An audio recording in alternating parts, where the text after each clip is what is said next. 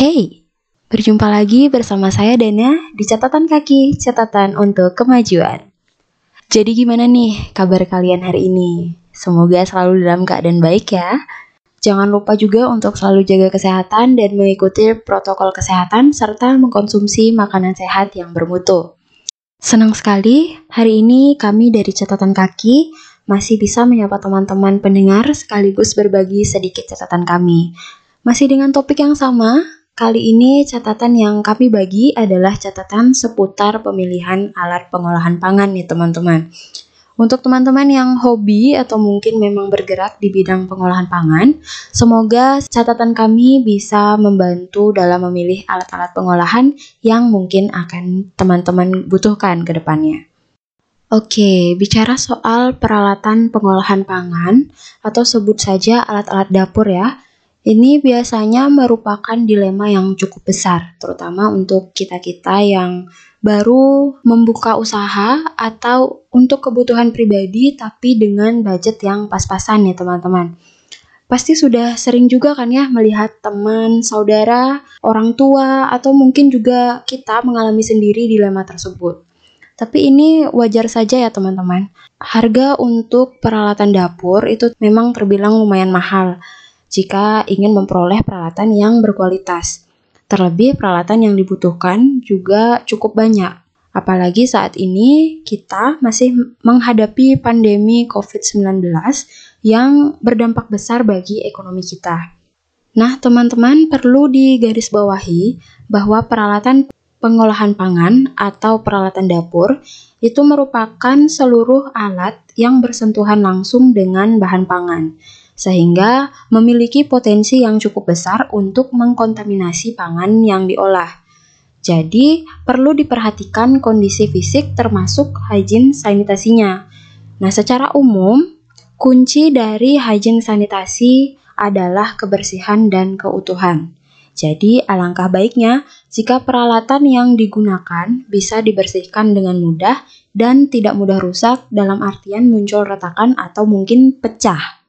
Secara garis besar, peralatan pengolahan pangan mulai dari alat persiapan, alat memasak, hingga alat menghidangkan itu dapat dipilih dengan memperhatikan beberapa hal. Di antaranya, yang pertama, cari peralatan yang multiguna atau multifungsi ketika untuk persiapan memasak sehingga tidak terlalu banyak menyediakan bermacam-macam alat persiapan.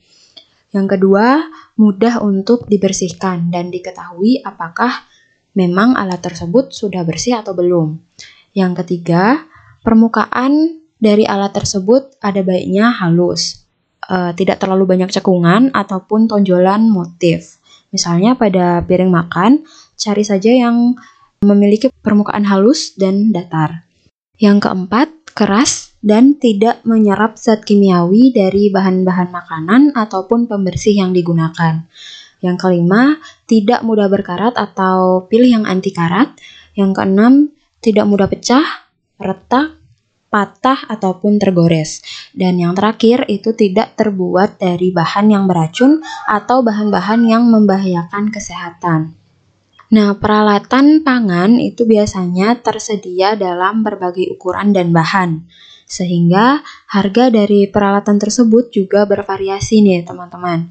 Nah umumnya peralatan dengan kualitas bagus itu memiliki harga yang relatif mahal. Namun tidak menutup kemungkinan tersedianya juga peralatan pengolahan pangan yang berkualitas dengan harga terjangkau. Nah, peralatan pengolahan pangan dapat dibuat dari berbagai jenis bahan, mulai dari plastik, kayu, stainless, besi, keramik, kaca, dan masih banyak lagi bahan-bahan yang bisa digunakan. Namun biasanya untuk skala rumah tangga atau usaha kecil, peralatan yang umum kita jumpai adalah peralatan yang berbahan plastik, kayu, dan stainless. Kemudian, pertanyaan pertama yang biasanya terpikirkan adalah yang mana nih kira-kira paling bagus untuk digunakan gitu kan ya. Nah, peralatan dari bahan plastik itu cenderung lebih murah biasanya. Ringan, kemudian mudah ditemukan, namun terkadang kita harus teliti dalam memilih. Yang utama adalah pastikan bahwa alat yang kita pilih memiliki label aman untuk kesehatan dan sesuai dengan standar nasional Indonesia atau SNI. Peralatan dari bahan kayu belakangan juga cukup populer digunakan. Selain tampilannya yang khas, kesan tradisional yang kental dan vibe natural, peralatan dari kayu juga tergolong memiliki bobot yang ringan, mudah dibersihkan namun agak sedikit riwah dalam perawatannya. Selanjutnya, peralatan dari bahan stainless nih. Nah, stainless ini paling banyak digunakan pada peralatan pengolahan, tidak hanya dari jenis panci atau penggorengan saja ya teman-teman. Sendok, garpu, sudip, dan masih banyak lagi. Uh, saat ini juga sudah banyak yang menggunakan bahan dasar stainless. Bobot yang masih tergolong ringan, mudah dibersihkan, namun jika dibandingkan dengan plastik atau kayu, peralatan dari bahan stainless ini relatif lebih mahal. Sehingga dalam pemilihan peralatan ada baiknya teman-teman pendengar mempertimbangkan kebutuhan, jenis olahan, dan fungsi dari peralatan tersebut. Namun dari sisi hygiene dan sanitasi akan disarankan untuk memilih peralatan dari bahan stainless. Kemudian, bagaimana jika seandainya kita ingin menggunakan peralatan dari kayu atau sudah terlanjur memiliki peralatan yang berbahan dasar kayu. Uh, ini tidak masalah ya teman-teman. Peralatan dari bahan kayu itu juga sebenarnya baik digunakan. Nah, kayu diketahui memiliki sifat antibakteri alami, namun perlu diperhatikan juga, meskipun memiliki sifat antibakteri, tapi bukan berarti tidak perlu melakukan tindakan hygiene sanitasi ya. Justru perawatan terhadap peralatan berbahan dasar kayu ini lebih kompleks agar bisa menjaga kondisi sesuai dengan persyaratan hygiene sanitasi. Nah, ada pun beberapa hal yang harus diperhatikan dalam perawatan peralatan yang berbahan dasar kayu itu antara lain yang pertama, segera cuci atau bersihkan peralatan dengan menggunakan air hangat dan sabun setelah digunakan. Jangan merendam peralatan yang berbahan dasar kayu ya. Yang kedua, keringkan dengan lap kering dan biarkan di luar hingga benar-benar kering. Nah, menyimpan peralatan berbahan kayu ketika belum kering sepenuhnya itu dapat menyebabkan timbulnya jamur dan bau pada peralatan tersebut.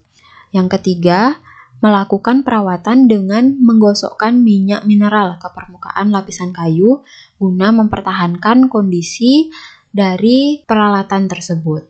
Nah, yang keempat itu menggosok permukaan peralatan yang sudah mulai timbul bintik kasar. Biasanya kan e, peralatan kayu itu e, ketika digunakan terus-menerus selama beberapa waktu itu biasanya akan muncul bintik-bintik kasar. Nah, sehingga permukaan peralatan akan menjadi tidak rata dan sulit untuk dibersihkan. Yang kelima, gunakan spons atau bantalan berbahan nilon ketika mencuci dan segera ganti peralatan-peralatan tersebut jika sudah mulai ada retakan atau cekungan. Hal ini karena adanya retakan atau bagi yang tidak rata berpotensi menjadi sarang bakteri atau mikroorganisme penyebab penyakit. Yap, demikian catatan hari ini. Semoga bermanfaat ya teman-teman. Jangan lupa nantikan episode selanjutnya di catatan kaki catatan untuk kemajuan.